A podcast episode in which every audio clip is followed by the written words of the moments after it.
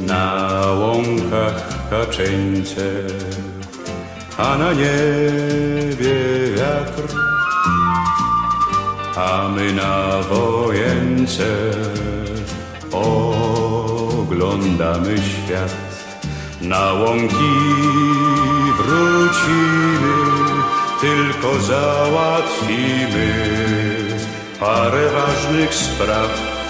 Może nie ci sami wrócimy do mamy ze szkolnych ław. Dobry wieczór. Jest dzisiaj sobota, który to już 5 marca 2022 roku. Witają Was Jacek i Zenek. Dzisiaj audycja bardzo na czasie. Bardzo na czasie. Audycja przy mikrofonie. Można dzwonić. Czołgi na Ukrainie. A jest z nami Zenek, który dzisiaj będzie robił za eksperta. A ja będę za tego, co nie dowiewa. Cześć Zenek. Cześć, cześć, cześć. Czy za eksperta? No, jakimś takim wybitnym ekspertem, jeżeli chodzi o te sprawy, to, to, to nie jestem, ale też nie jest tak, że nic kompletnie nie wiem.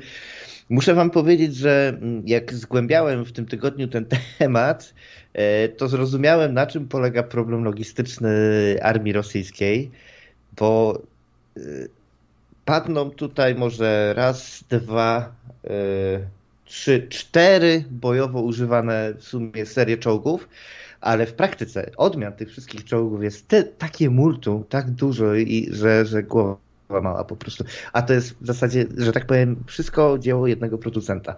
Rzadko się tak zdarza na polu bitwy, że w tak wyspecjalizowany sprzęt jak czołgi mm, walczą ze sobą i są de facto tej samej serii, tego samego producenta. Z reguły w takim powszechnym myśleniu mamy w głowie takie obrazy, że e, powiedzmy amerykańskie czołgi gdzieś tam na jakimś proxy war walczą z radzieckimi, albo powiedzmy radzieckie z niemieckimi na II wojnie światowej walczyły, brytyjskie z, z, z niemieckimi i tak dalej i tym podobne.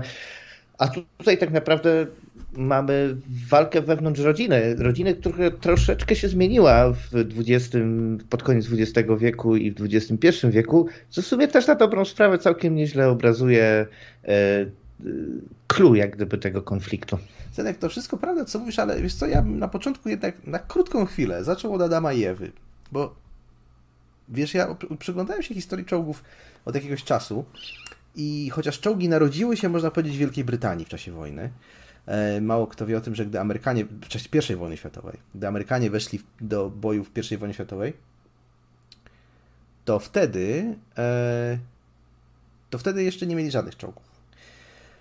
Ale motyw polega na tym, że, e, że podczas, podczas, jak się spojrzy na historię, całej, historię czołgów, to jest jeden kraj, który zawsze w tych czołgach jakoś tak no, radził sobie całkiem dobrze. To znaczy Niemcy radziły sobie świetnie w czasie II wojny, ale potem trochę, trochę zeszli jakby z, z teatru dziejów. Podobnie Brytyjczycy, Amerykanie weszli tak naprawdę do czołgi, można powiedzieć, w okolicach II wojny światowej. A Rosja zawsze była gdzieś tam wysoko. Najpierw Związek Radziecki, potem Rosja. E, I powiedzmy, dlaczego tak jest? Rosja potrzebuje czołgów, prawda? Rosja to jest kraj, który musi mieć czołgi. Możemy wyobrazić sobie armię brytyjską bez czołgów. Mogę sobie wyobrazić armię amerykańską bez czołgów, ale nie da, sobie nie da się sobie wyobrazić armii rosyjskiej bez czołgów. I to wynika chyba z tego, tak jak ja to rozumiem, że Rosja zawsze była przygotowana do wojny lądowej. To znaczy, tak naprawdę Rosjanie mieli zawsze dwa zagrożenia. Zagrożenie z zachodu, co zresztą operacja Barbarossa przez Niemcy pokazała, i z drugiej strony Chiny, które zaczęły mocno rosnąć, prawda? I teraz pytanie jest, no dobrze, ale e, dlaczego Rosja potrzebuje czołgów, Zanek? Czy ty jesteś w stanie wyobrazić sobie armię rosyjską bez czołgów? Rosja potrzebuje czołgów, bo dają mobilność. To jest duży, ogromny teren i jeżeli zajdzie taka potrzeba, to te czołgi mogą tyrać na dosyć sporych przestrzeniach. E, tamte zasięgi są po kilkaset kilometrów i to jest nie bez znaczenia, jeżeli chodzi o głębię operacyjną że tak powiem. I dlatego czołgi są niezbędne. Y, nie, nie ma tam za bardzo, wiesz, y, odpowiednich choking pointów, gdzie możesz chwycić wroga i się bronić, bo jeżeli będzie wystarczająco cierpliwy, zawsze cię może okrążyć. A mając czołgi i w ogóle zmechanizowane wojsko, jesteś w stanie lepiej manewrować i bronić się skuteczniej, ale też przede wszystkim atakować, bo nie czarujmy się, że armia, że armia Związku Radzieckiego też była robiona w takim zamyśle ofensywnym. Nie? Tu chodziło o to, żeby wykorzystać tą ogromną siłę przemysłową, Zenek która była w Związku. Zenka wycięło nam, e, ja go słabo, słabiej słyszę. Mhm. Jak to tak? Co to się stało Ale... się? Halo, halo Zenku. O, mam jakiś problem techniczny z połączeniem z południową Polską.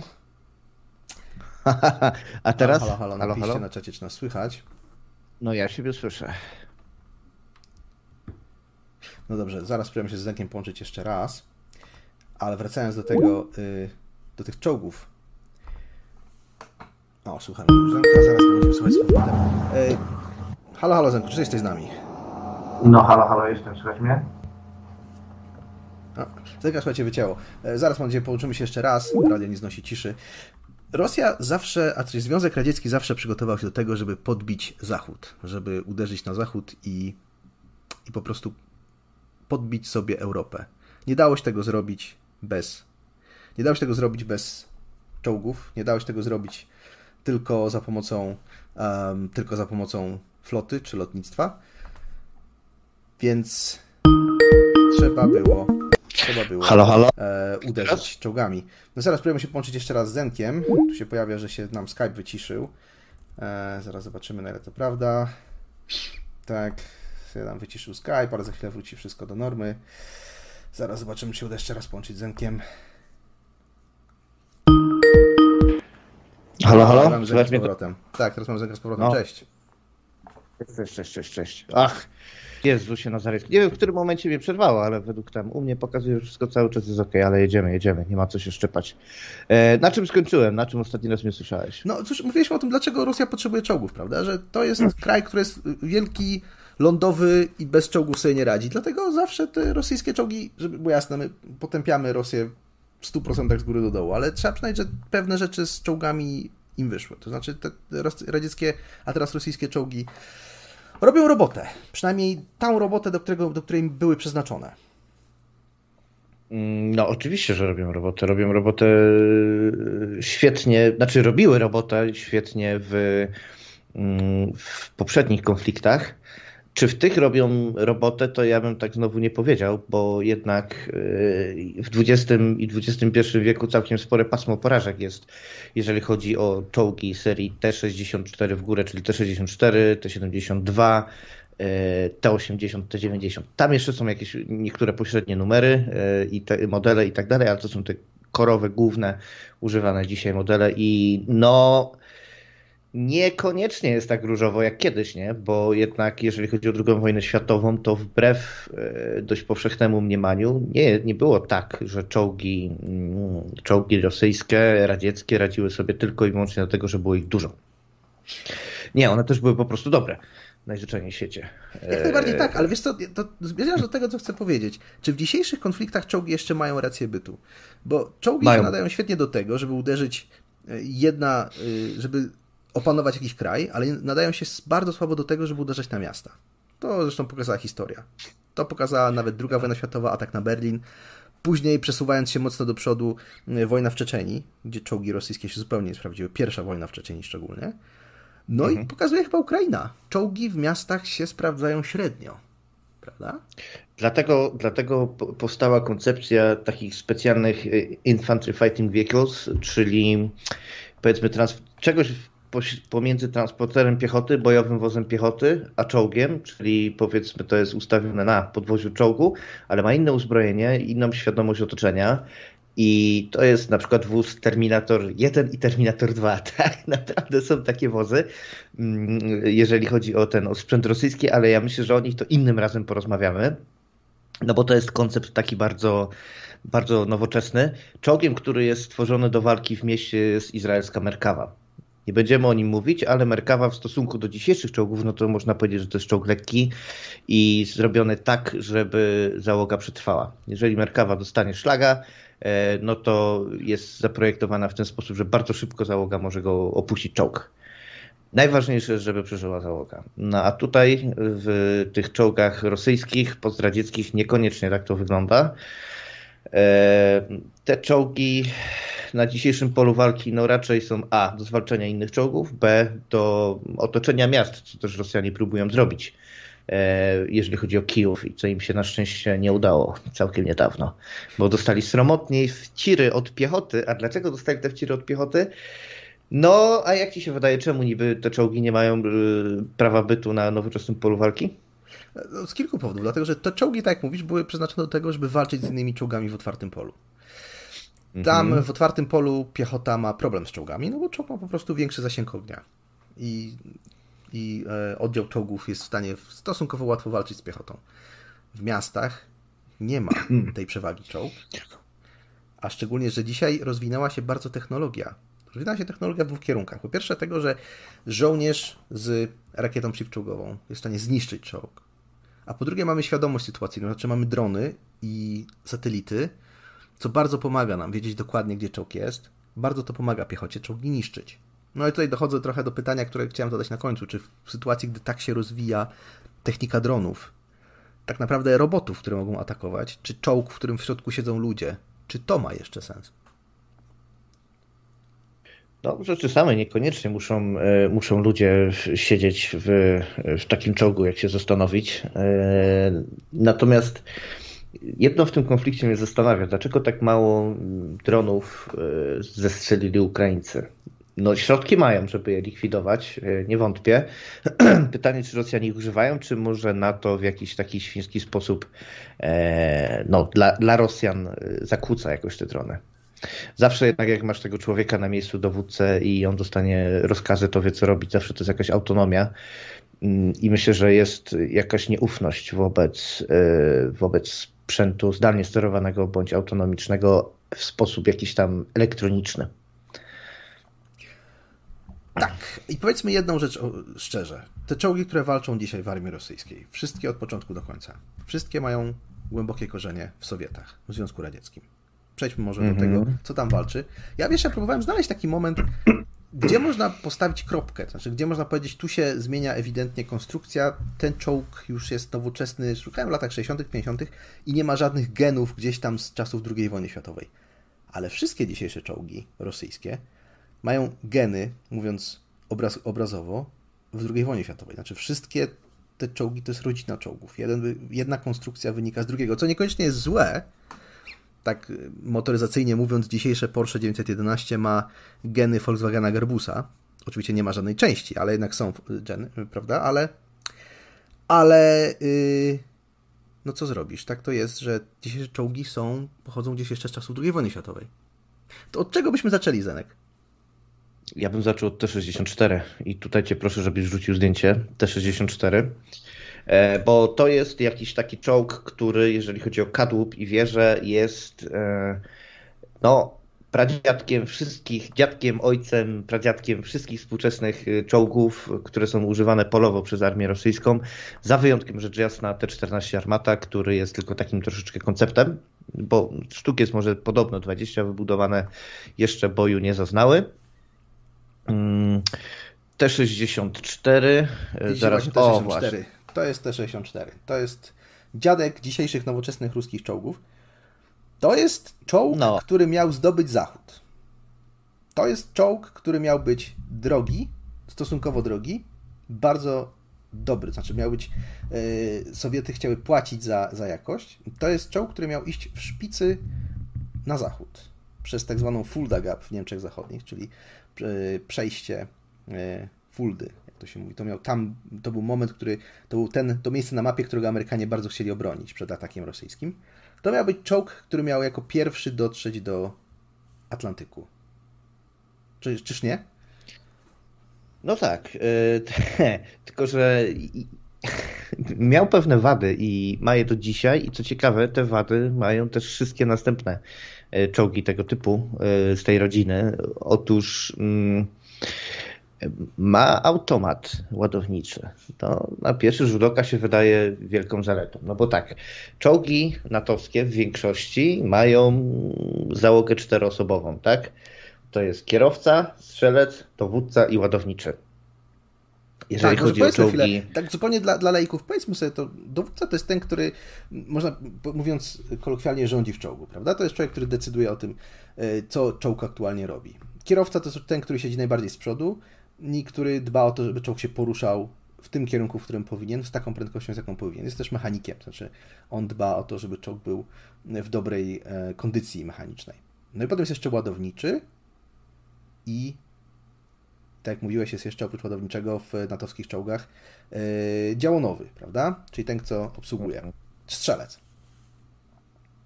To jest w natowskich czołgach. No i kierowca jeszcze dodatkowo. No tak, tak, wiem o kierowcy oczywiście. To jest kierowca mechanik. A, no tak. I teraz widzisz, z czegoś to wynika, prawda? Owszem, są wyjątki, tak? Jeżeli chodzi o powiedzmy kraje, które są przeciwko Rosji, że tak się wyrażę, to Korea, yy, Korea Południowa w swoim słynnym K2 Black Panther też ma automat ładowniczy. I z tego co pamiętam, Francuzi w Leclercu takoż mają y, automat ładowniczy. Swoją drogą masz tutaj pozdrowienia, że jest jakoś 360. Tak, ale jakość jest 360p i to jest y, specjalnie zrobione, dlatego że przy wyższej jakości i takim odległości, jakie jesteśmy, możemy mieć problemy z dźwiękiem. Więc ja już to testowałem. Wolę mieć problem, wolę mieć 360p niż gorszy dźwięk. Tak zostawmy te 360p, bo jeżeli ktoś chce poszukać tak. sobie lepszych zdjęć czołgów, to niech sobie znajdzie w Wikipedii. Mm, ale wróćmy do tego, dlaczego, dlaczego automat to jest błąd, to jest problem dla tego czołgu. Automat jest e, problemem i no może nie tyle błędem, co problemem do tego czołgu ze względu na umieszczenie amunicji. E, przy odpowiednim e, trafieniu jest, czołg jest wyłączony z walki całkowicie i cała załoga jest zabita, bo wieżyczka odskakuje. Tutaj e, swoją drogą nie byłbym sobą, gdybym szpileczki nie wbił panu Bartosiakowi, który miesiąc przed wojną e, razem z panem Zychowiczem śmiał się, że strasznie propagandowym jest materiał, na którym to, jak to powiedział pan Zychowicz, Stinger trafia w czołg. Oczywiście najpierw mówię, że to jest Enlau, ale w praktyce to był Javelin. Javelin trafił, czyli przeciwpancerny pocisk kierowany trafił w T-72, od góry, uderzył i struga kumulacyjna trafiła w, w, skład amunicji, który jest prawdopodobnie akurat ten, który był w wieżyczce, czy tam pod wieżyczką w automacie ładowniczym. I wszystko strzeliło, wieżyczka odskoczyła niesamowicie wysoko do góry i daleko poleciała, co też dzieje się dosyć często na, na Ukrainie. Możecie zobaczyć, że czołgi serii T po prostu zniszczone bardzo często mają osobną wieżyczkę. To się nie zdarza przy innych czołgach, prawie w ogóle. Chociażby z tej przyczyny, że te czołgi, składy amunicji mają w miejscu, które jest mm, za specjalnymi płytami pancernymi i no po to, żeby w razie wybuchu cała energia poleciała gdzieś w drugą stronę, nie zabijając załogi. No, a, a tutaj nie ma, nie ma czegoś takiego niestety. Tak, to jest ten problem w radzieckich czołgach. No widzicie, filmy z wojen, których, głównie z wojen arabskich na przykład, e, gdzie było widać zawsze ta wieża odrzucona od czołgu, ze względu na to, że tak jest rozłożona. No, e, rozłożone są naboje w tym automacie ładowniczym prawie jakby ktoś chciał zaminować ten czołg, prawda? I wysadzić tą wieżyczkę. Na tym to polega. Może, może wróćmy na chwilę, jak to wygląda, bo mamy też zdjęcie, jak takie poglądowe, prawda? Jak ten automat ładowniczy mm, wygląda. To jest mniej więcej coś takiego. No, jak, jak, widzicie, jak, widzicie lub nie, te, z, te mm, Jezus Maria, te naboje są ułożone dookoła. E, z tego co widzę, to nawet widać e, tą rozdzielność ładowania przy tych e, pociskach, no bo osobnym, troszeczkę osobno jest pocisk, znaczy pocisk i osobno jest ładunek miotający, ale może nie wchodźmy w takie szczegóły. Odpowiednie trafienie w pobliżu, mm, w pobliżu armaty albo nad armatą wyłącza taki czołg z walki, co jak zobaczycie później, jak będziemy omawiali następne czołgi, wcale nie jest takie rzadkie. To nie, nie jest no. tak, że... No. Dzieje się to dosyć często. No tak, ale Sowietom zawsze brakowało forsy. Zawsze brakowało im um, materiałów, zawsze brakowało waluty. Nawiasem mówiąc, dlatego ty pochodzisz ze Śląska, prawda? I te mhm. przywileje górnicze, które są do dziś no, problemem w Polsce, które odziedziczyliśmy po komunie, te przywileje górnicze wynikały z tego, że Związek Radziecki był w stanie skonsumować dowolną ilość węgla. I dlatego, żeby, żeby górnicy pracowali w miarę wydajnie w Polsce, w PRL-u, dawało się im, e, no, górnik to był człowiek, który zarabia dużo, stosunkowo dużo w porównaniu z resztą społeczeństwa. Nie no, bardzo dużo. Wiesz, był w stanie sobie pozwolić na to, żeby żona nie pracowała i to było dosyć, dosyć częste, nie? Na Śląsku, no to, dokładnie. Wie, no. Do, do, do tego, żeby wyprodukować stal, potrzebny jest węgiel. Dlatego, tak jak mówiłem, Związek Radziecki był w stanie, skąd, chociaż sam był potęgą, jeżeli chodzi o kopalnie, to był w stanie zaimportować dowolną ilość węgla. Był nawet taki dowcip, że my dajemy ruskim węgiel i w, w zamian oni biorą od nas węgiel. tak samo było z uranem, wyobraź sobie. Dokładnie no. tak.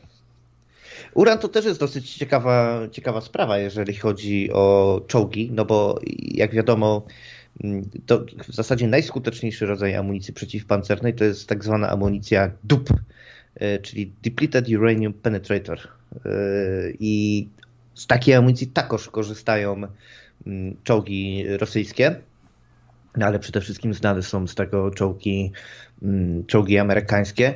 Z racji tego, że jednak przez długie lata doktryna, doktryna obronna Rosji y, była y, no, stricte obronna, nie zakładała, tak jak to się zmieniło no, kilka, nie wiem, mniej niż miesiąc temu, tak? Zmieniła się ta doktryna na bardziej ofensywną. To z racji tego nie jest prawdopodobnie tak dużo wyprodukowanej tej amunicji z penetratorami uranowymi. Zamiast tego używa się wolframu. No bo zakładano, że ten obszar, który jest swój, że tak powiem, to nie ma co na nim siać y, zubożonym uranem. Lepiej używać wolframu, który też jest ciężki i, i gęsty. O, może w, ten sposób, bo o to chodzi, jeżeli mówimy o tych takich kinetycznych penetratorach. Dokładnie tak. No, na tym polega cała siła tych pocisków e, z zubożonym uranem i, i z wolframem. A czy T-64 to jest konstrukcja z lat 60. Czy jeszcze można ją spotkać? Na, czy, czy T-64 można wysadzić na Ukrainie? Tak, bez problemu, oczywiście, że tak. E, masz następne zdjęcie T64 Bułat. Mm, z tego co widzę, na jednej ze stron, gdzie, e, gdzie się sprawdza, kto tam już jest potwierdzony i tak dalej, no to jest e, T64BV załatwiony i chyba tam jeszcze w innych źródłach też się pojawił T64. Z reguły te czołgi są wyrzucane do rezerwy i tak dalej.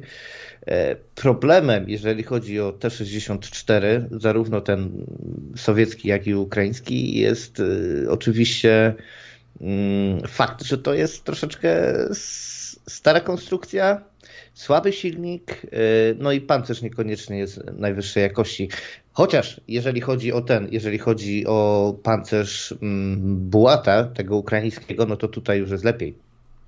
No bo właśnie, mamy bo to jest do czynienia. Coś, o czym musimy powiedzieć. Ukraina za czasów Związku Radzieckiego, czyli tak naprawdę Ukraińska Republika Radziecka, to była potęga, jeżeli chodzi o przemysł obronny. I charkowska fabryka czołgów to był jeden z głównych filarów e, radzieckiej produkcji wojskowej. Drugim takim miejscem był Ural. Na Uralu produkowano również czołgi. E, trochę w Sankt Petersburgu, ale wschodnia Ukraina to tak naprawdę tam produkowano większość czołgów. No to też właśnie o to chodzi, dlatego ta wojna się zaczęła, bo trzeba łapy położyć na tamtym przemyśle, tak, który się tym zajmuje. Dokładnie. Dokładnie tak. No dlatego też Antonow, y, no zakład Antonowa, może taki zrobimy side note, niestety Antonow 225 Mria, czyli marzenie, dokonał ży żywota. To był jedyny, jedyny egzemplarz tego samolotu, y, który był używany. Nie jeden, który był wyprodukowany, ale jeden, który był używany. No i niestety tego samolotu już nie będzie. Był to ukraiński samolot, bo jednak e, również produkowany w zakładach Antonowa na Ukrainie. E, no ale wróćmy do czołgów. T-64 to był czołg drogi. I po nim przyszła, przyszedł czas na czołg trochę tańszy, który miał zmiażdżyć Zachód mm, i w, być może również Chiny, zmiażdżyć Zachód masą, w sensie ilością tych czołgów.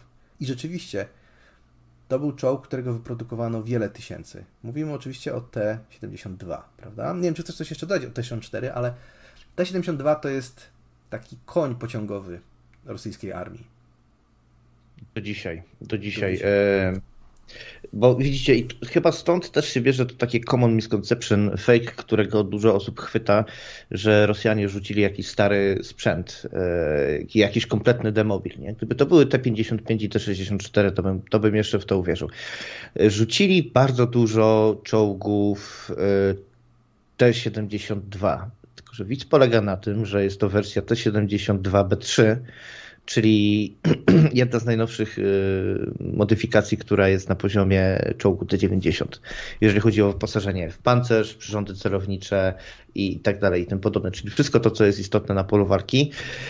Nie jest to w dalszym ciągu czołg, który może y, być równorzędnym przeciwnikiem dla Abramsa, nowych Leopardów i, i tak dalej, ale jest bez wątpienia niebezpieczny, niebezpiecznym przeciwnikiem.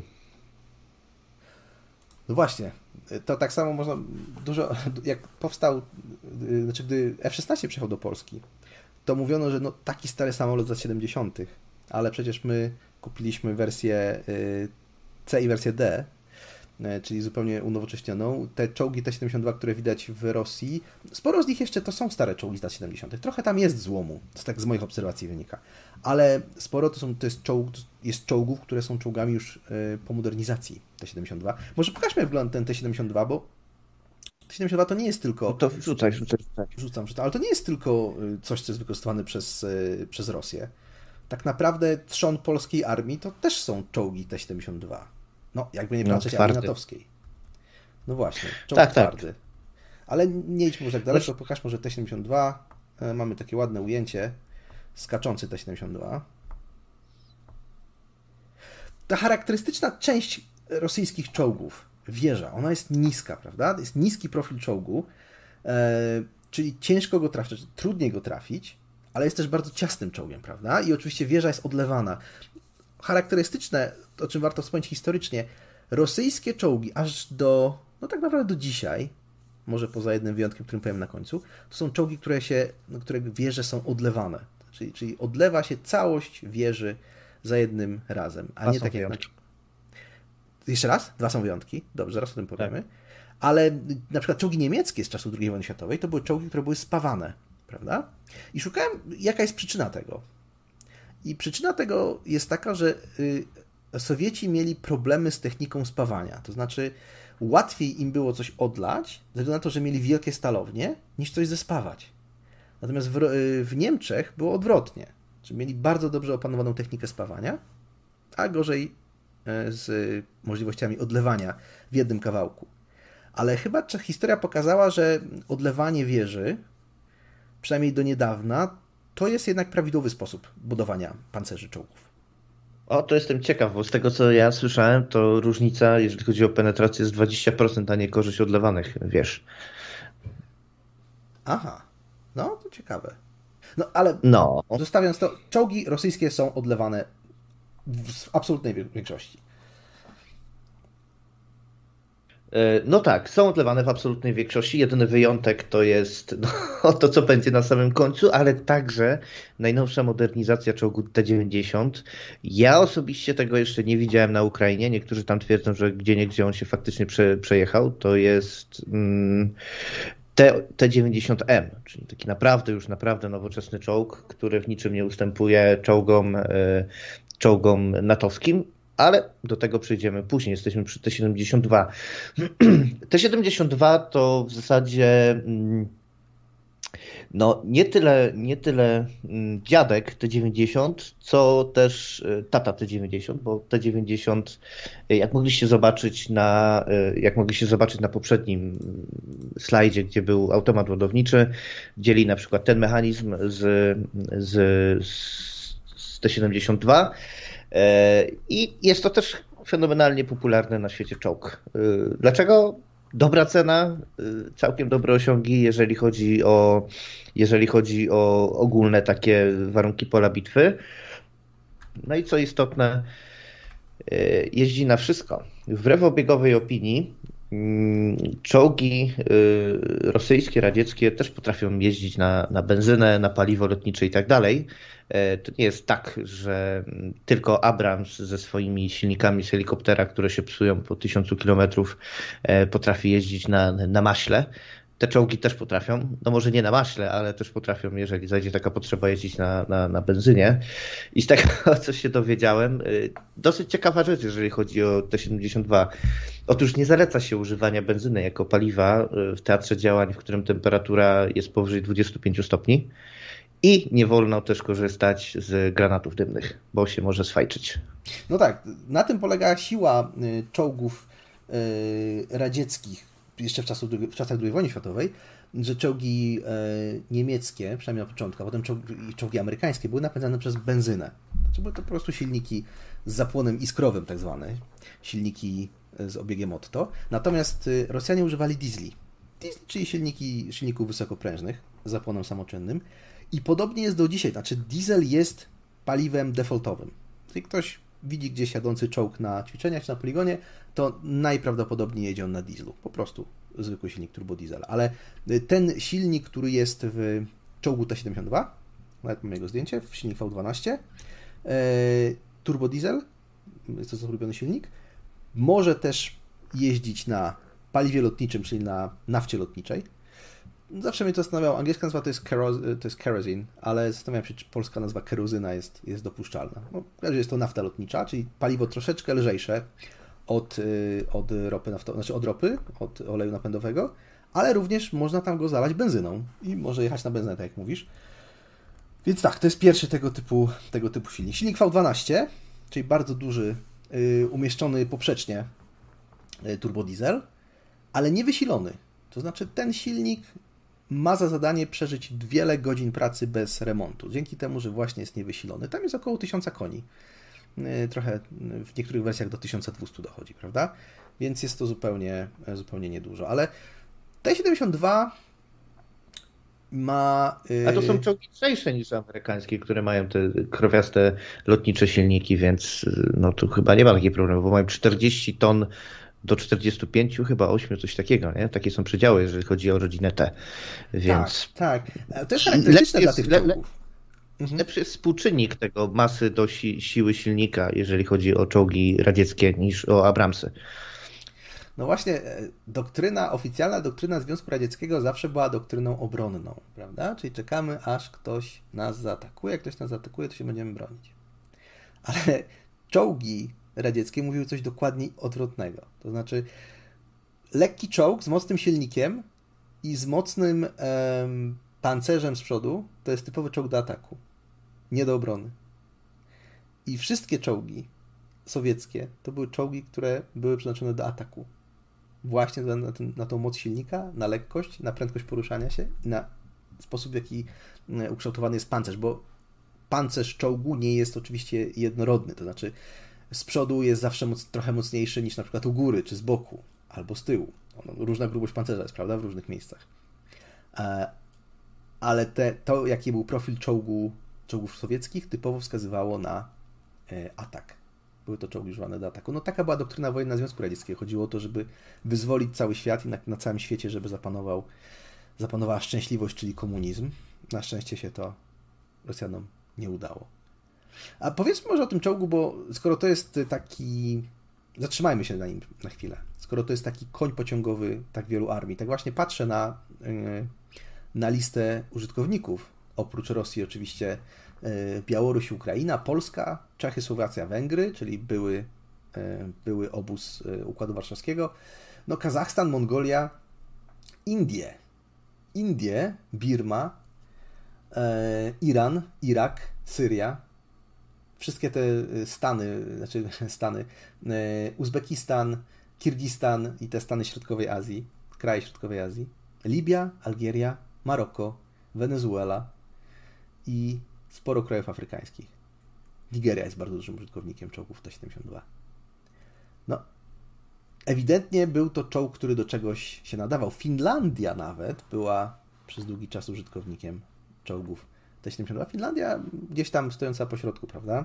E, nie monąca ani w obozie wschodnim, ani zachodnim skutek finlandyzacji tak zwanej, czyli tego, że Związek Radziecki się strasznie wpierniczał w produkcję i politykę w Finlandii, też te wszystkie karabiny Valmet, jeśli mnie pamięć nie myli, to też klony AK na licencji. E, I ogólnie to było zabawne, bo zbrojeniówka fińska zawsze była skierowana przeciwko Sowieckiemu Sojuzowi, a w praktyce jednak tam bardzo dużo sprzętu, który był co najmniej inspirowany radziecką myślą technologiczną. Dokładnie tak. No, oczywiście, co jeszcze możemy dodać o tym czołgu? Aha, czeka ciekawostka. Wszystkie czołgi sowieckie z tamtych czasów miały gładką lufę. E, I szczerze mówiąc, nie znalazłem dlaczego tak jest. Dla tych, którzy no może mniej wiedzą, luf, lufy są albo gładkie, albo gwintowane, prawda? Jeżeli lufa jest gwintowana, pocisk podczas strzału zaczyna się obracać, wchodzi w ruch obrotowy, co poprawia jego celność. Sowieckie czołgi miały gładką lufę. Dlaczego? E, otóż e, widz polega na tym, że to był pomysł taki, żeby przeciwpancerne pociski kierowane wystrzeliwać z tych luf, co nie wiem jak kiedy się udało dokładnie, ale z całą pewnością udało się przy T-90. Mhm. No i do tego dochodzi jeszcze jedna rzecz. Jeżeli masz lufę, gład, masz gładkolufową lufę, no to wtedy lepiej działa amunicja stabilizowana brzechwową czyli taka albo z, z odrzucanym sabotem stabilizowana brzechwowo, czyli taka strzała. No i taka amunicja przeciwpancerna, która ma taki siłowy penetrator e, i jest lepiej, znaczy lepiej strzelać nią z, e, z, gładkolufowej, z gładkolufowej armaty, ponieważ ten efekt żyroskopowy w przypadku stabilizowania brzechwowego działa na niekorzyść e, pocisku. E, no, a z kolei używanie armaty, która jest y, no, y, ma te bruzdy, nie jest gładkolufowa, jest lepszy do amunicji, która nie jest stabilizowana brzechwowo, mm, czyli na przykład do tak zwanych hash, czyli amunicji, która ma w sobie ładunek wybuchowy i na powierzchni pancerza robi eksplozję, która w środku y, razi załogę, razi załogę częściami samego czołgu, tak, w środku czyli zabija odłamkami, które nie są jak gdyby częścią pocisku, tylko rozwala, e, rozwala czołg z drugiej strony. Ta fala uderzeniowa się odbija na drugiej stronie pancerza i zabija załogę różnymi chmarą odłamków. tak samo tyczy się to e, amunicji amunicji e, kumulacyjnej, która w sumie przez długi czas była najbardziej popularną amunicją przeciwpancerną i nie była stabilizowana brzechwowo, powiedzmy, e, w niektórych wypadkach, dlatego też e, dobrze było robić e, rifled te, no, niegładkolufowe armaty. O, tyle. No pięknie.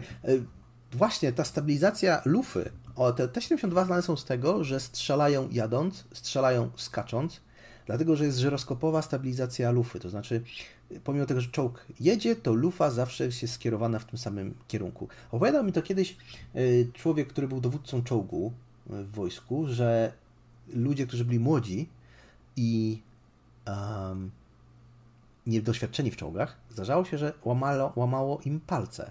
A wiesz dlaczego? Dlatego, że trzymali rękę podczas jazdy czołgu na lufie. Jeżeli ktoś nie wiedział, że tego nie wolno robić, to lufa mogła przycisnąć, bo poruszała się w trakcie jazdy, ścisnąć rękę do góry kadłuba, do góry wieży. I zdarzało się, że ta lufa poruszając się mogła nawet zmiażdżyć palce takiemu czołgiście, który nie był doświadczony. Nie wolno było trzymać lufy podczas jazdy e, no, przy włączonym stabilizatorze. Jest jeszcze jedna opcja, że trzeba uważać, gdzie się trzyma rękę przy, przy tym, jak strzela automat. Jest tam takie krótkie okno, kiedy można się pozbawić ręki, nie? No tak. Jeżeli źle machniesz przy wystrzale, to ten automat pomiędzy ładowaniem pocisku a ładunku miotającego może ci no, wyrwać rękę na dobrą sprawę. No, niebezpieczna sprawa. Zdecydowanie niebezpieczna sprawa. A nie wiem, czy ta stabilizacja lufy w serii T nie jest dalej lepsza w, w czołgach właśnie radzieckich niż natowskich I, i, i to z kolei jest, to jest kolejna rzecz, która wskazuje na ofensywny charakter tego uzbrojenia. Dokładnie tak. Dokładnie tak, no bo przy obronie nie strzelasz, jeżeli gdy, gdy jedziesz, prawda? Nie strzelasz, gdy się poruszasz. Yy, charakterystyczna sprawa. A może powiedzmy, bo to jest chyba dobry moment, żeby powiedzieć coś o obronie, obronie tych czołgów, obronie aktywnej i pasywnej. Wiesz co, ja zawsze sobie wyobrażałem armię sowiecką w ten sposób, że Sowieci nie dbają o ludzi i nie bardzo dbają o sprzęt. Znaczy, wyrzuca, rzucają ich, ich na wojnę, kto zginie, ten zginie. U nas ludzi mnogo.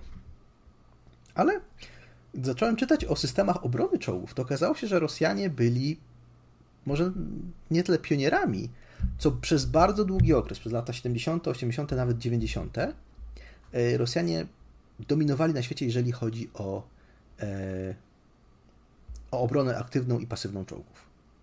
I może powiedzmy o dwóch systemach. E, po pierwsze o systemie sztora, czyli zasłony.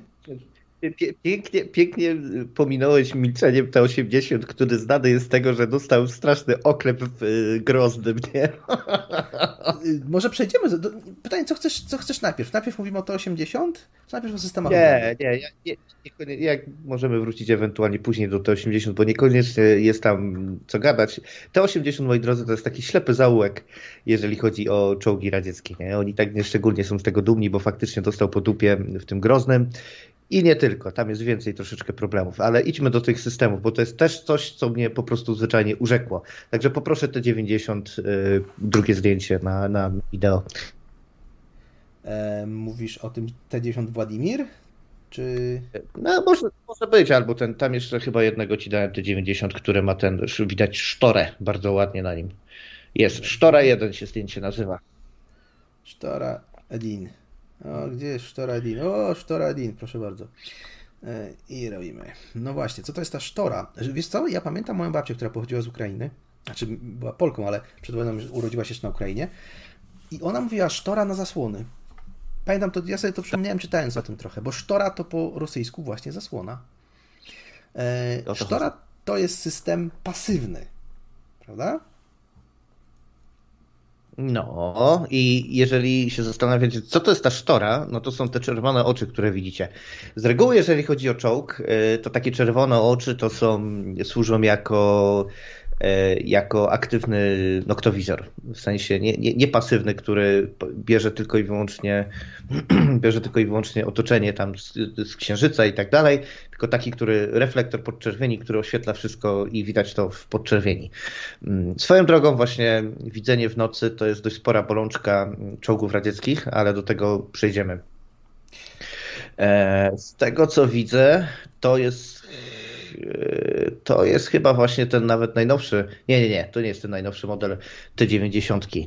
E, to jest Wladimir, e, najpopularniejszy. Jak widzicie, ma tą sztorę i co ta sztora robi, nie? Bo to, to tak wygląda dziwnie. Tak. Ja czytałem o sztorze. Sztora ma za zadanie pasywnie bronić czołgu przed pociskami. To znaczy, jest, znajduje się tam e, radar, który wykrywa to, że pociski się zbliżają. E, on może być w formie albo radaru doplerowskiego, albo e, radaru laserowego. I jeżeli wykryje zbliżający się pocisk, to obraca wieżę w kierunku tego pocisku i próbuje go oślepić. Znaczy, wysyła silną wiązkę promieniowania podczerwonego, wysyła silną wiązkę promieniowania elektromagnetycznego, czyli fal radiowych, a dodatkowo strzela tak, granatami ze sprayem z zasłoną dymną. Znaczy wyrzuca y, tuż obok czołgu z jednej i z drugiej strony granaty, które powodują, że czołgu przestaje być widać nawet w podczerwieni. I to jest tak zwany pasywny e, system, dlatego że nieaktywnie uderza w pocisk, który atakuje, ale próbuje ten pocisk oślepić. Jakie on ma zalety? No, zalety są takie, że ten system jest bezpieczny dla, czy stosunkowo bezpieczny dla piechoty, która znajduje się obok czołgu. Wady jest mniej skuteczny niż system aktywny. I nie, kończą, nie kończy się w nim amunicja, no może poza granatami, które e, się ją spray, prawda? Mm, wystarczy po prostu włączyć e, jammer, czyli zakłócanie elektromagnetyczne i zakłócanie w podczerwieni. Ale, czy jeszcze czym zapomniałem? Jakieś wady tego i zalety?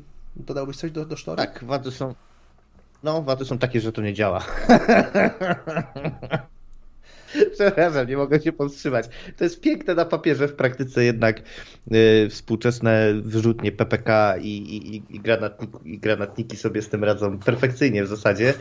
Y, co widać na teatrze działań ukraińskim, tak? I co też zresztą było widać w Syrii, gdzie normalnie facet ma jakiś tam, jakiś ma przy, przeciwpancerny pocisk kierowany no, a ten świeci, świeci tą sztorą w tę rakietę, świeci takie dup, nie? I jak masz szczęście, to zdąży wyjść, a jak nie, no to wieżyczka leci, nie?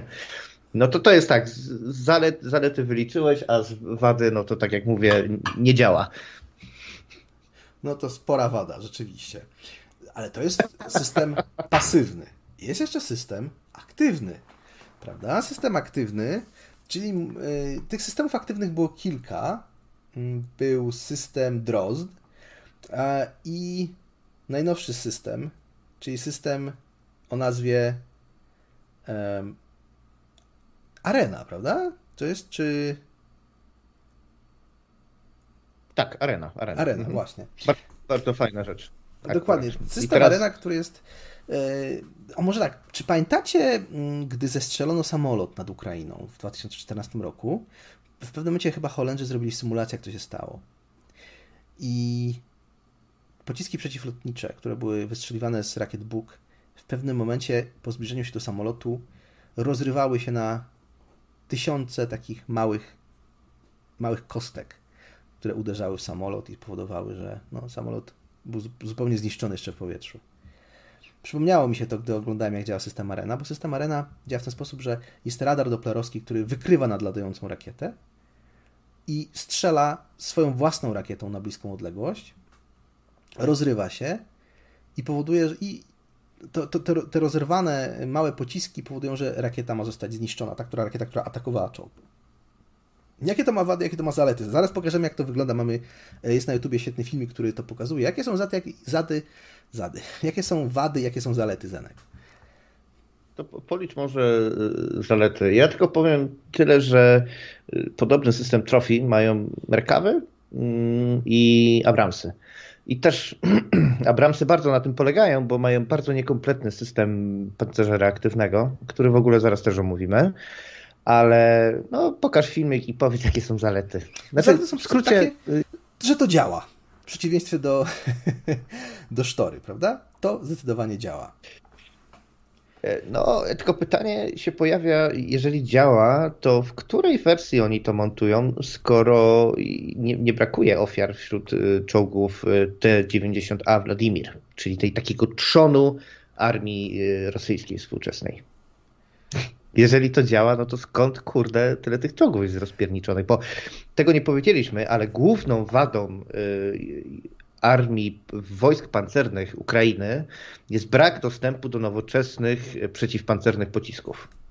No dlatego Nie, tyle im wysłaliśmy, prawda? My w sensie Zachód. No ale czy, to, czy Zachód ma e, nowoczesne czołgi, e, tfu, nowoczesne pociski kaliber 125 mm?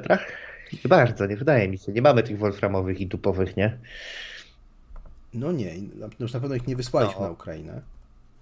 I tu jest problem, nie? Tu jest problem, bo był jeden, jedna modyfikacja ukraińskiego czołgu T-84. No, zobaczycie, zobaczycie teraz zobaczyć, jak to wygląda. Strzela żołnierz w kierunku czołgu. W tym momencie czołg wyrzuca rakietę. Coś chyba i... jednak nie do końca ci to działa. A, działa, Ach, działa, nie przejmuj się. I rakieta, którą, która miała zniszczyć czołg, wybucha i um, i zostaje zniszczona, a czołgowi się nic nie stało, prawda? Y, to ma swoje zalety i to ma swoje wady. Ja rozumiem to w ten sposób, że dlatego na Ukrainie to nie działa, dlatego że czołgi są atakowane ze zbyt małej odległości i od góry. Ten system ma problemy wtedy, kiedy czołg jest atakowany z bliższej odległości 50 metrów. E, no to, to jest tak, że Javelin owszem leci od góry. Teoretycznie też powinien sobie radzić Javelinem. Javelin chyba ma jakieś środki zakłócania albo ukrywania się, tego nie wiemy dokładnie. Tutaj, musimy, tutaj wchodzimy w spekulację. No i do tego jest Enlow, który ma maksymalny zasięg, e, jest granatnikiem. To nie jest rakieta przeciwpancerny pocisk kierowany Enlow, który ma zasięg maksymalnie 600 metrów. No ale jeżeli są z 50 metrów, to tak jak mówisz, po zawodach. Mhm. Jest jeszcze jedna wada tego systemu. I ta wada też się tyczy takich dobrych, skutecznych pancerzy reaktywnych, takich najlepszej jakości, mianowicie, no jak widzieliście, to jest wybuch, tak? Więc w sytuacji, w której dookoła tego czołgu idzie oddział piechoty, no to sobie skasujesz oddział piechoty, nie? Dokładnie, to jest ta największa wada. No tak to więc wygląda na. To jest zdjęcie z Wikipedii, znaczy rysunek z Wikipedii, jak to, y, jak to mniej więcej wygląda. Ta rakieta, ta czwórka tutaj, która jest zaznaczona, leci w kierunku czołgu. W pewnym momencie czołg wystrzela własną rakietę i, i niszczy um, rakietę, która leci. to ma tą kolosalną wadę, że to jest y, zabójcze dla piechoty, która idzie wokół czołgu. To znaczy, czołg nie może być um, otoczony przez piechotę, bo wtedy zniszczy, znaczy zabije własnych żołnierzy, a często przecież jest to wykorzystywane, szczególnie w czasie walki w miastach, że czołg ma osłonę piechoty, prawda? Ale ale y, jest dlatego specjalne światło, które się umieszcza na czołgu, które, na czołgach, które ma za zadanie ostrzegać piechotę, uciekajcie, bo system arena jest włączony. I możecie się oddalić od czołgu, bo jeżeli przyleci rakieta, to, to was zabije. Mm. No właśnie, a dlaczego to nie działa na Ukrainie tak powinno? To już są rzeczywiście tylko, tylko spekulacje. No i trzeba pamiętać, że dużo tutaj jest spekulacji, bo nie wszystko do końca wiadomo, e, jeżeli chodzi o, o te czołgi i tak dalej, jak to wygląda i tym podobne. E, wymieniłbyśmy trzy e, albo cztery, czy trzy do pięciu najpopularniejszych komponentów, znaczy materiałów, z których zrobiony jest pancerz czołgu współczesnego. No tak, no to jest oczywiście stal. To jest, dobra. to jest y, ceramika. Dobra, dobra. To jest guma. Brawo. Nera. Tak. Eee, Wolfram. O. jeden bardzo trywialny i najtańszy na świecie. A to ciekawe. Żeby to był plastik? Nie, powietrze. No tak. A, to, to trochę... Zostawić no... puste miejsce. Wszystko, wszystko chodzi o to, żeby stworzyć kompozyt. I powietrze też jest częścią jakiegoś, ewentualnego kompozytu. Czołgi, ten, który widzisz, ten Wladimir T-90, e, posiada wieżyczkę, e, posiada wieżyczkę spawaną, tak samo jak ta najnowsza wersja BM. Mm, I dodatkowo e, w tym miejscu, gdzie są te puszki od sztory, w tej wieży są miejsca na pancerz specjalny, czyli właśnie dodatkowe elementy kompozytowe. Z racji dlaczego, tego, że w tym dlaczego miejscu... te kompozyty, kompozyty, czyli tak naprawdę klejone materiały ze sobą różnego rodzaju. Dlaczego one są takie, dlaczego one są takie dobre w czołgach?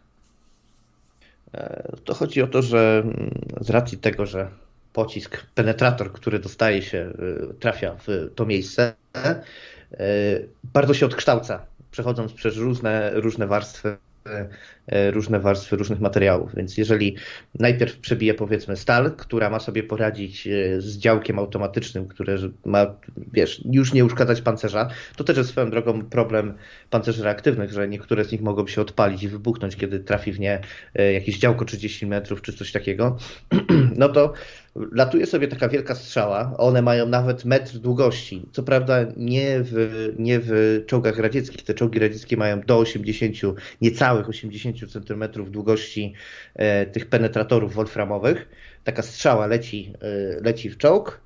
I oczywiście po pierwsze to jest nachylenie, więc to też robi problem, może też troszeczkę to odkształcić, później przebija pierwszą warstwę i w pierwszej warstwie trafia na drugą warstwę, która ma już zupełnie inne właściwości fizyczne i się odkształca. Już na przykład zaczyna koziołkować, albo, albo łatwiej jest jakoś mu się przebić i przez to też y, troszeczkę się inaczej zachowuje. Efektywnie pewnie y, musi pokonać większą drogę, żeby zrobić kuku i jest też to wpływa na to, jakie odłamki są w środku, jeżeli nie ma pełnej penetracji. E, to jest skomplikowane i tutaj by się przydał ktoś, kto jest y, ekspertem od materiałoznawstwa, no ale to nie jest jedyne miejsce, jedyny przypadek, kiedy się okazuje, że kombinowane materiały, czyli właśnie kompozyty, lepiej sobie radzą z penetracją niż, niż ten, niż pojedynczy materiał, nawet najlepszy. Nawet najlepszy. Zresztą tak, tak samo jest tak, tak jest w kamizelkach kuloodpornych.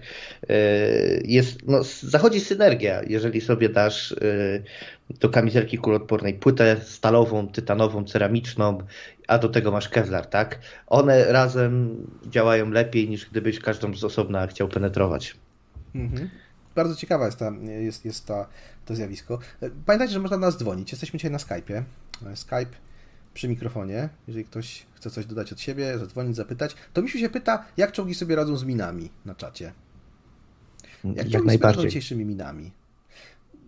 Ja kojarzę miny przeciwczołgowe z czasów II wojny światowej. Dzisiaj się już nie używa min przeciwczołgowych w takiej ilości jak dawniej, prawda?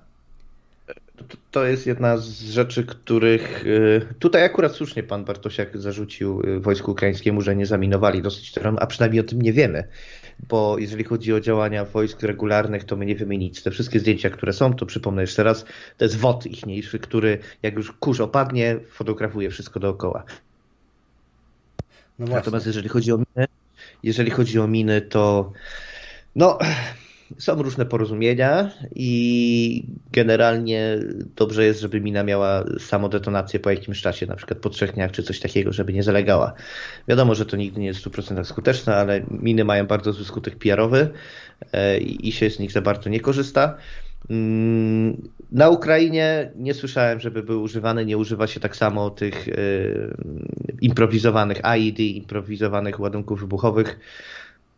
Jak sobie radzi? No od tego są specjalistyczne, specjalistyczne wozy, y, które mają mm, sprzęt, który wykrywa miny, albo po prostu z takim wielkim trałem je, jedzie przez teren i je detonuje. To już na II wojnie światowej To już na II wojnie światowej było widać, prawda? Na II wojnie to był y, ten amerykański krab, albo brytyjski krab, y, który... Amerykański. Przed, amerykański, tak, który przed sobą miał taki duży bęben, na który były, były takie nawinięty um, łańcuchy i one uderzały, ryły ziemię w ten sposób, żeby spowodować detonację min przeciwczołgowych. To było z przodu czołgów w jakiejś tam odległości od, od pancerza i chodziło, chodziło czołgu.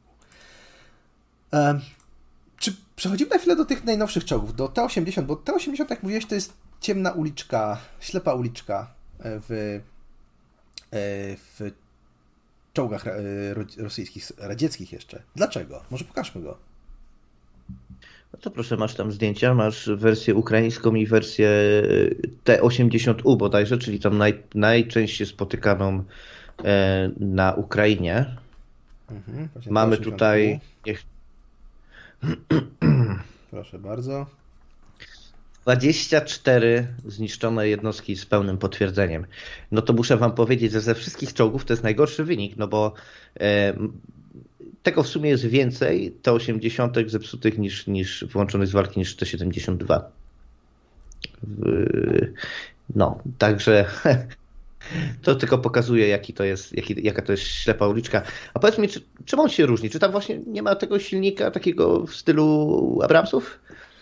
Tak, ten silnik był e, właśnie e, silnikiem typowo lotniczym, znaczy silnikiem turbinowym w tych czołgach T-80 a nie silnikiem tłokowym. Ale Rosjanie uznali, że to jest jednak ślepa uliczka, że nie będzie tych, że nie będzie tych silników, że Sowieci nie będą używać tych silników. To podejrzewam, że chodzi o to, że one są bardziej skomplikowane. A jednak silniki spalinowe to jest coś, co Rosjanie świetnie zdają, co świetnie budują i tak dalej. E, natomiast nie radzili sobie z, e, z silnikami turbinowymi. Dlaczego to była ślepa uliczka, Zenek? Dlaczego T80 to była ślepa uliczka? No, z jednej strony właśnie przez te silniki, z tego co słyszałem, że bardzo łatwo można je wykończyć mołotowem, łatwiej niż standardowe silniki. I tutaj, jak, jak pewien zakonnik w Polsce powiedział, pamiętajcie dzieci, do benzyny dajcie styropianu, wtedy się lepiej klei. E, to ten. I taka jest prawda. Jak, jak dacie do benzyny styropian, to macie napalm. Pełno prawdy. E, I to raz. A dwa, no, mają bardzo złą reputację. Tak jak już wspominałem wcześniej, w Czeczeni były niemożebnie wręcz po prostu sieczone. E, tam chyba też w grę wchodzi ten automat ładowniczy, który jest jeszcze gorszy i jeszcze ma większą tendencję do wybuchania niż w T72 i w T90. No. Więc mm, one latały po prostu jak szmaty.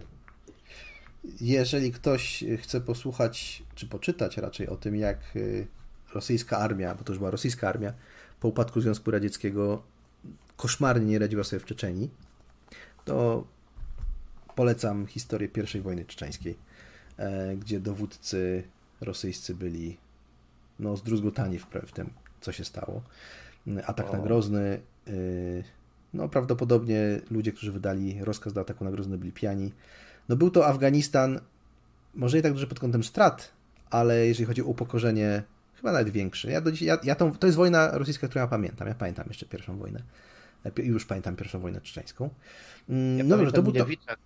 Mhm. który opowiadał o chłopakach e, rosyjskich, którzy płynęli żywcem w tych czołgach właśnie po Mołotowie, po trafieniu z granatnika i tak dalej. Nie, nie brakowało scen, kiedy, kiedy znajdowano się czołg, z którego nie wyleciała wieżyczka, z reguły miał w, tam, gdzie widzicie te włazy, to z takiego włazu było takie spalone do żywego truchło człowieka. Mhm. No, to był drugi scenariusz, obok tego, że wieżyczka była w ogóle rozerwana. No właśnie. Nie A... trzeba mówić, że takie coś morale niszczy i to jest też ten przykład tego, co, co mamy na Ukrainie, bo propaganda w Rosji ruszyła całkowicie. W zasadzie zrobili to odcięcie od internetu e, i ryją głowę wszędzie, komu się tylko da. Widać, że ci ludzie są tam przestraszeni i powtarzają tą propagandę. Natomiast jednej rzeczy się nie da ukryć. Każda następna kolumna wojskowa rosyjska, która będzie jechała przez Ukrainę, będzie widziała niesamowite ilości rozpieprzonego sprzętu i zwłok. Swojego sprzętu i swoich zwłok.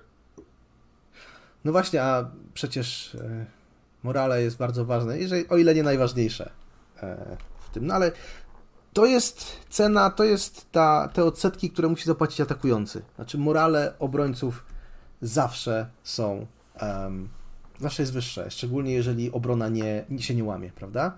W tym momencie nagle zaczyna morale rosnąć, bo to są ludzie, którzy, którzy bronią swojego kraju, a natomiast ludzie, którzy atakują, zawsze mają problemy, żeby wytłumaczyć nawet sobie samemu, dlaczego to robią. Zobaczymy, może powiemy na końcu o tym, jakie są przewidywania, przynajmniej nasze, na dalszy rozwój tej sytuacji na Ukrainie. No ale mamy jeszcze T-90. T-90 chyba, czyli mm, czołg, który, no powiedzmy ten najnowocześniejszy. T-90. Realnie tak. E, Wygląda Kotek już... pyta, jakie są... Mhm. O, ten T-90 ostatni, który ci dałem, ten, tak? Tak. T-90 już jeden wjechał, ale daj go, no wygląda jak europejski czołg. Dokładnie. To jest czołg, który miałem problemy na początku, żebym się nie przyjrzał, czy to nawet nie jest yy, albo yy, yy, ten czołg południowo-koreański, prawda? Albo czy to nie jest y, Leclerc. Musiałem się chwilę przyjrzeć, ale to już jest czołg południowo-koreański. Faktycznie, jakoś trochę go przypomina, mimo że jednak w gruncie rzeczy Black Panther przypomina bardziej y, Leoparda.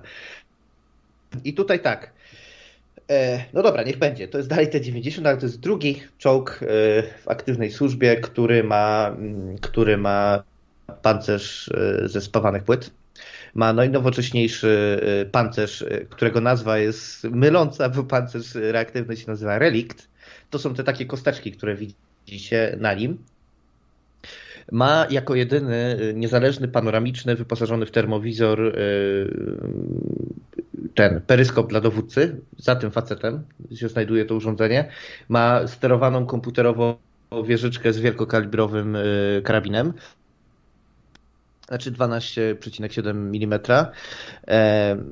I co tam jeszcze wchodzi w grę? Tam jest troszeczkę kilka kompromisów, jeżeli chodzi o automat ładowniczy, dlatego też, tak jak mówiłem, e, pociski te z Abramsów e, stabilizowane przechwowo są dłuższe niż te 190. E, co tu jeszcze jest ciekawego? Ta siatka, którą widzicie, ona jest po to, żeby pociski takie jak Enlow czy RPG-7 i, i cała ta podobna rodzina nie, nie, mogły łatwo trafić e, w pierścień, który łączy wieżyczkę z kadłubem czołgu.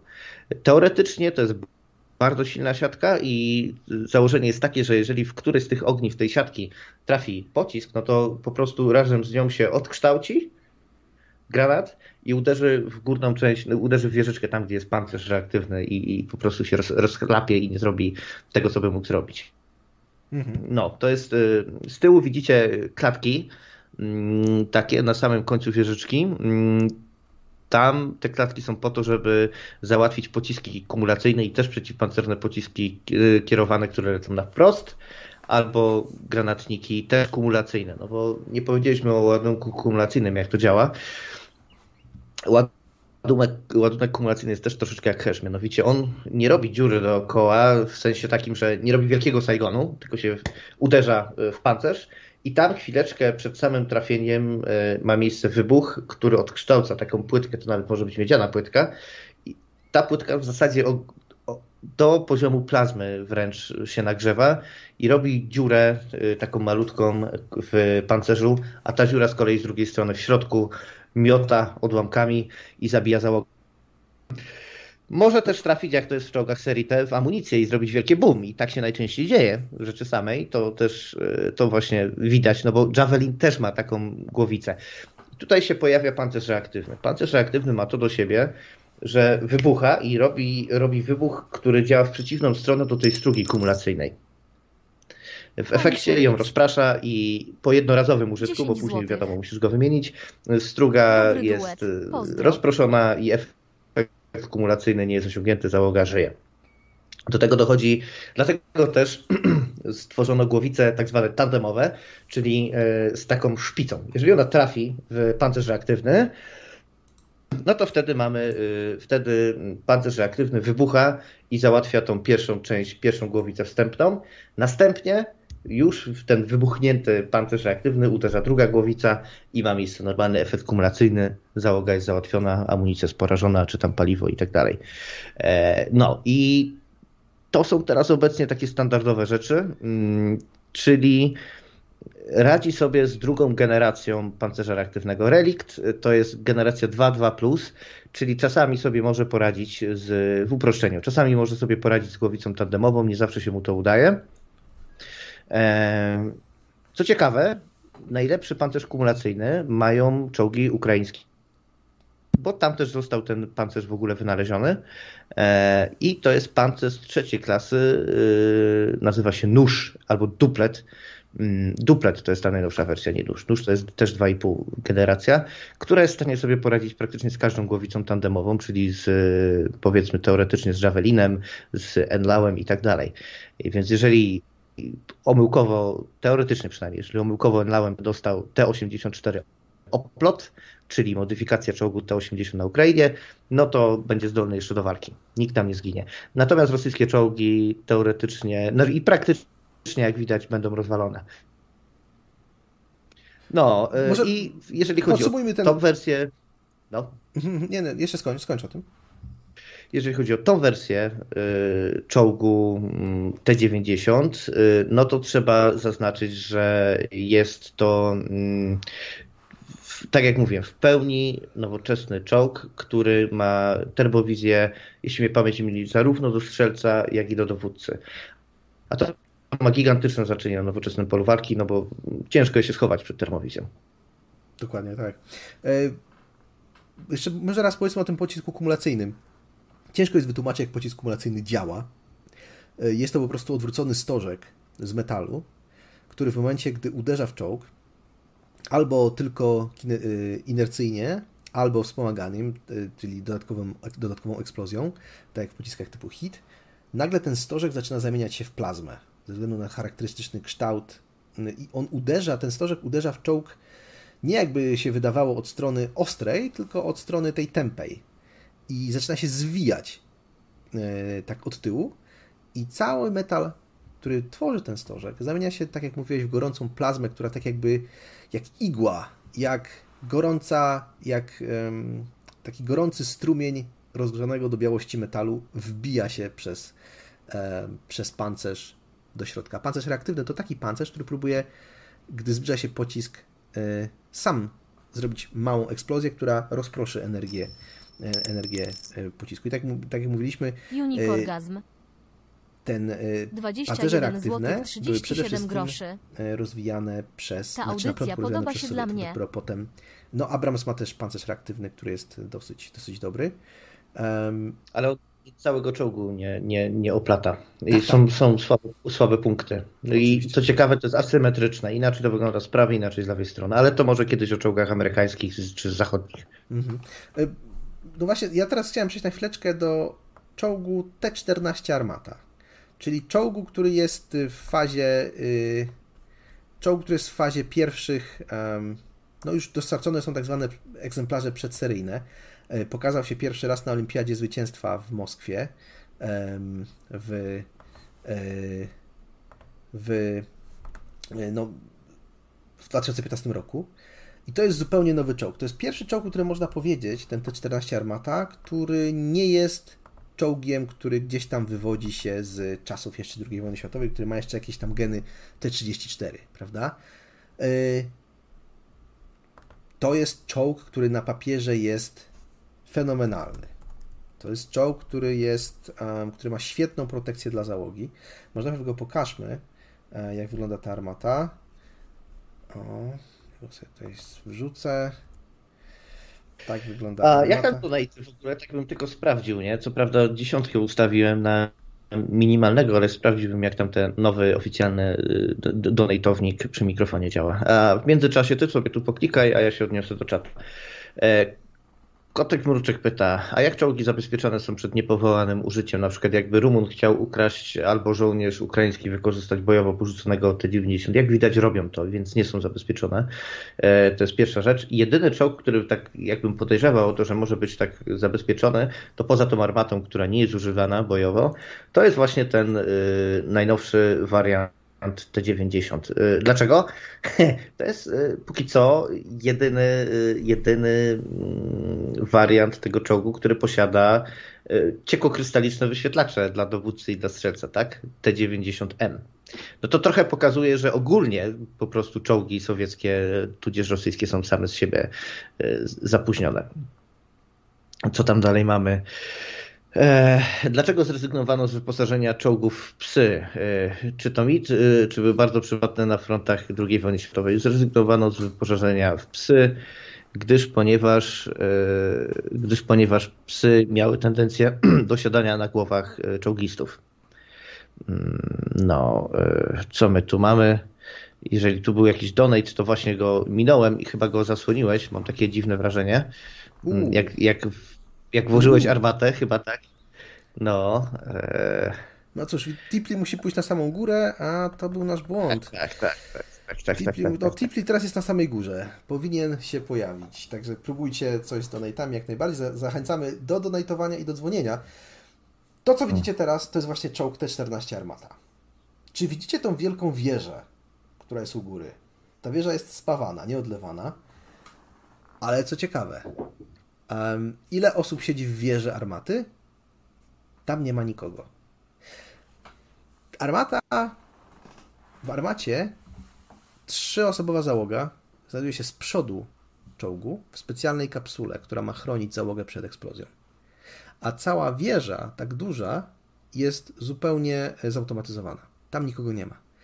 Całym, y, całym ogniem, całym ogniem steruje e, sterują, steruje załoga z tej specjalnej kapsuły z, z przodu. Dodatkowo to jest czołg, który może strzelać nie tylko pociskami przeciwczołgowymi czy pociskami odłamkowymi, ale może również strzelać y, pociskami y, przeciwlotniczymi, które może dodatkowo mieć dodatkową broń na wieży, na przykład karabin wielokalibrowy albo karabin przeciwlotniczy. I wszystko jest automatyzowane, skomputeryzowane. Moc silnika nawet 2000 koni mechanicznych, co zdecydowanie zmniejsza, i to jest silnik dieslowski e, V14, e, który również może działać na, na, na różne rodzaje paliwa.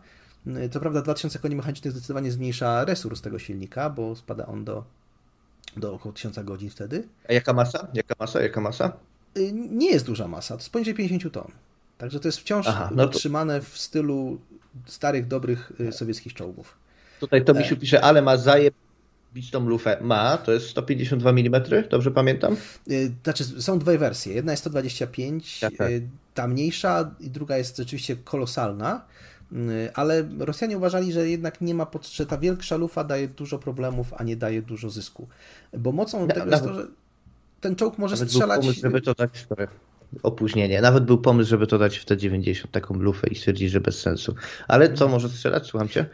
Pewnie znaczy, rakietami. Dokładnie. To jest czołg, który może strzelać rakietami e, przeciwpancernymi, e, pociskami e, takie, tego typu, które, które są wystrzeliwane z, z ręki przez żołnierzy, przez piechotę. Może strzelać pociskami przeciwlotniczymi. No to jest czołg, który rzeczywiście na papierze jest chyba najnowocześniejszym czołgiem świata. Na pewno czołgiem, który wyprzedza na przykład Abramsy, czyli trzon amerykańskiej armii. Czołgiem, który ze względu na ochronę załogi jest porównywalny z Merkawą ale z jakiegoś powodu Rosjanie stwierdzili, że nie będą go produkować, ponieważ nie ma na niego zapotrzebowania i zostaną przy czołgu T-90. Najprawdopodobniej pojawiły się problemy techniczne, o których nie wiemy. Miał to być czołg produkowany na Uralu, no ale pojawiły się problemy techniczne przy produkcji tego czołgu. Do dzisiaj wyprodukowano prawdopodobnie kilkanaście sztuk, e, chociaż docelowo armia rosyjska chce mieć ponad 2000 takich czołgów. E, dostarczenie jakiejś większej ilości tego czołgu zostało przeniesione na końcówkę lat 20. Bardzo nowoczesna ja- konstrukcja. No, ja ją jakby podziwiam pod kątem takiego stricte technicznego, ale chyba cierpi na problemy wieku dziecięcego. I to jest pierwszy czołg, który nie wywodzi się y, z... Jolanta. To jest 10 ground złotych. up na nowo zaprojektowane. Nie jest tak jak tamten na poprzednika wzorowany, na załogi T64 i ten. A powiedz mi fantastyczni. Szarik też. jeszcze jedną rzecz. Czy tu jest jakiś system aktywnej ochrony? Jakaś Arena 2? Coś takiego? Tak, tu jest system e, Arena 2, ale ten system jest. e, Dziękujemy Joli za 10 zł, bo właśnie przychodzi donate. Dziękujemy bardzo. E, Ale to jest wciąż w domyśle. Znaczy Rosjanie nie, nie, nie odtajnili tego, jaki będzie system obrony. Na pewno będzie tu jakiś system aktywnej obrony, podobno bardziej oparty niż na arenie, bardziej zbliżony do systemu Drozd, czyli tego e, poprzedniego systemu. No właśnie tu Oculus mówi na, Ocultus mówi na czacie, że Polacy zbudowali kosmiczny czołg PL-01 Concept, czyli tak naprawdę tekturę na kółkach, z których już wiemy, że nic nie będzie. Nie wiem, czy widziałeś ten czołg PL-01 Concept? Widziałem, ale to też czołg miał być czołg lekki, czyli bardziej taki infa, in, infantry fighting vehicle, czy, czy, czy wóz piechoty. Mhm. To nie, nie, nie, nie. E, Ja pragnę zwrócić uwagę na to, że na nowoczesnym polu walki, przez to co wspomniałeś o teatr, miejski teatr działań, następuje może nie tyle powrót do koncepcji czołgów lekkich, średnich i ciężkich, e, bo te były przez MBT, czyli Main Battle Tank, zastąpione co właśnie te takie pojazdy, y, które uzbrojeniem bardziej przypominają, bardziej przypominają wozy piechoty, ale są montowane na kadłubach czołgów. Więc to jest coś, co też zasługuje na osobny odcinek. Jeżeli już się bawimy w to w serię uzbrojeniu, to możemy, możemy to ugryźć w którejś tam następnej. Następna będzie o samolotach, moi drodzy. Tutaj Jacek jest, Jacek jest mega ekspertem, jeżeli o to chodzi. E, Myślę, że o dronach też by coś się znalazło po czasie. Chyba jak już zaczęliśmy o uzbrojeniu, no to myślę, że mamy to załatwione, nie? Czy chcesz to robić pod szyldem przy, przy, przy mikrofonie, czy pod swoim szyldem, to już inna sprawa, ale ja to tutaj chcę słyszeć deklaracje przy wszystkich. Nie, nie, zrobimy zdecydowanie więcej. Na, na pewno przejdziemy do samolotów. Nawet były pytania o latający czołg, czyli o Mi-24, ośmigłowiec. Yy, ale to jest kwestia przyszłości. Na razie skupmy się No. na... Zrobimy, ale jeszcze nie teraz. Jest jeszcze Mhm. Suka 25 jeszcze jest tak nazywana. Tak, tak. To jest samolot, który jest latającym czołgiem, chociaż ja się jednak upieram, że to Mi-24 bardziej zasługuje na, ta, na, Ja na tak samo. latający czołg niż, niż Ja tak samo. Su-25. Ja myślę, że po prostu Suka 25 jest y, na tym, na e, większą ma, lepszą ma opinię, bo jest porównywalna do A10, a jednak nie ma startu do A10 mimo wszystko. Ale zostańmy chwilę przy czołgach. Czołg na polu walki powstał w czasie I wojny światowej po to, żeby wygonić piechotę z e, transzei, wygonić piechotę z okopów. Czołg w czasie II wojny światowej powstał po to, żeby mm, przełamywać obronę przeciwnika, po to, żeby tworzyć blitzkrieg, żeby złamać wolę walki przeciwnika. Czołg e, w czasie zimnej wojny był stworzony przez Sowietów po to, żeby zaatakować z jednej strony em, Europę Zachodnią, a z drugiej strony, żeby się bronić przed Chinami. A siły NATO miały czołgi po to, żeby e, bronić się przed atakiem czołgowym Sowietów. Po co dzisiaj czołg? Wracając do pytania z początku. Jeżeli mamy dron, który jest w stanie zniszczyć e, czołg, którym, no i zabić załogę, która jest w środku, to czy po pierwsze, czy czołgi jeszcze będą tak szeroko używane, a po drugie, czy czołgi drony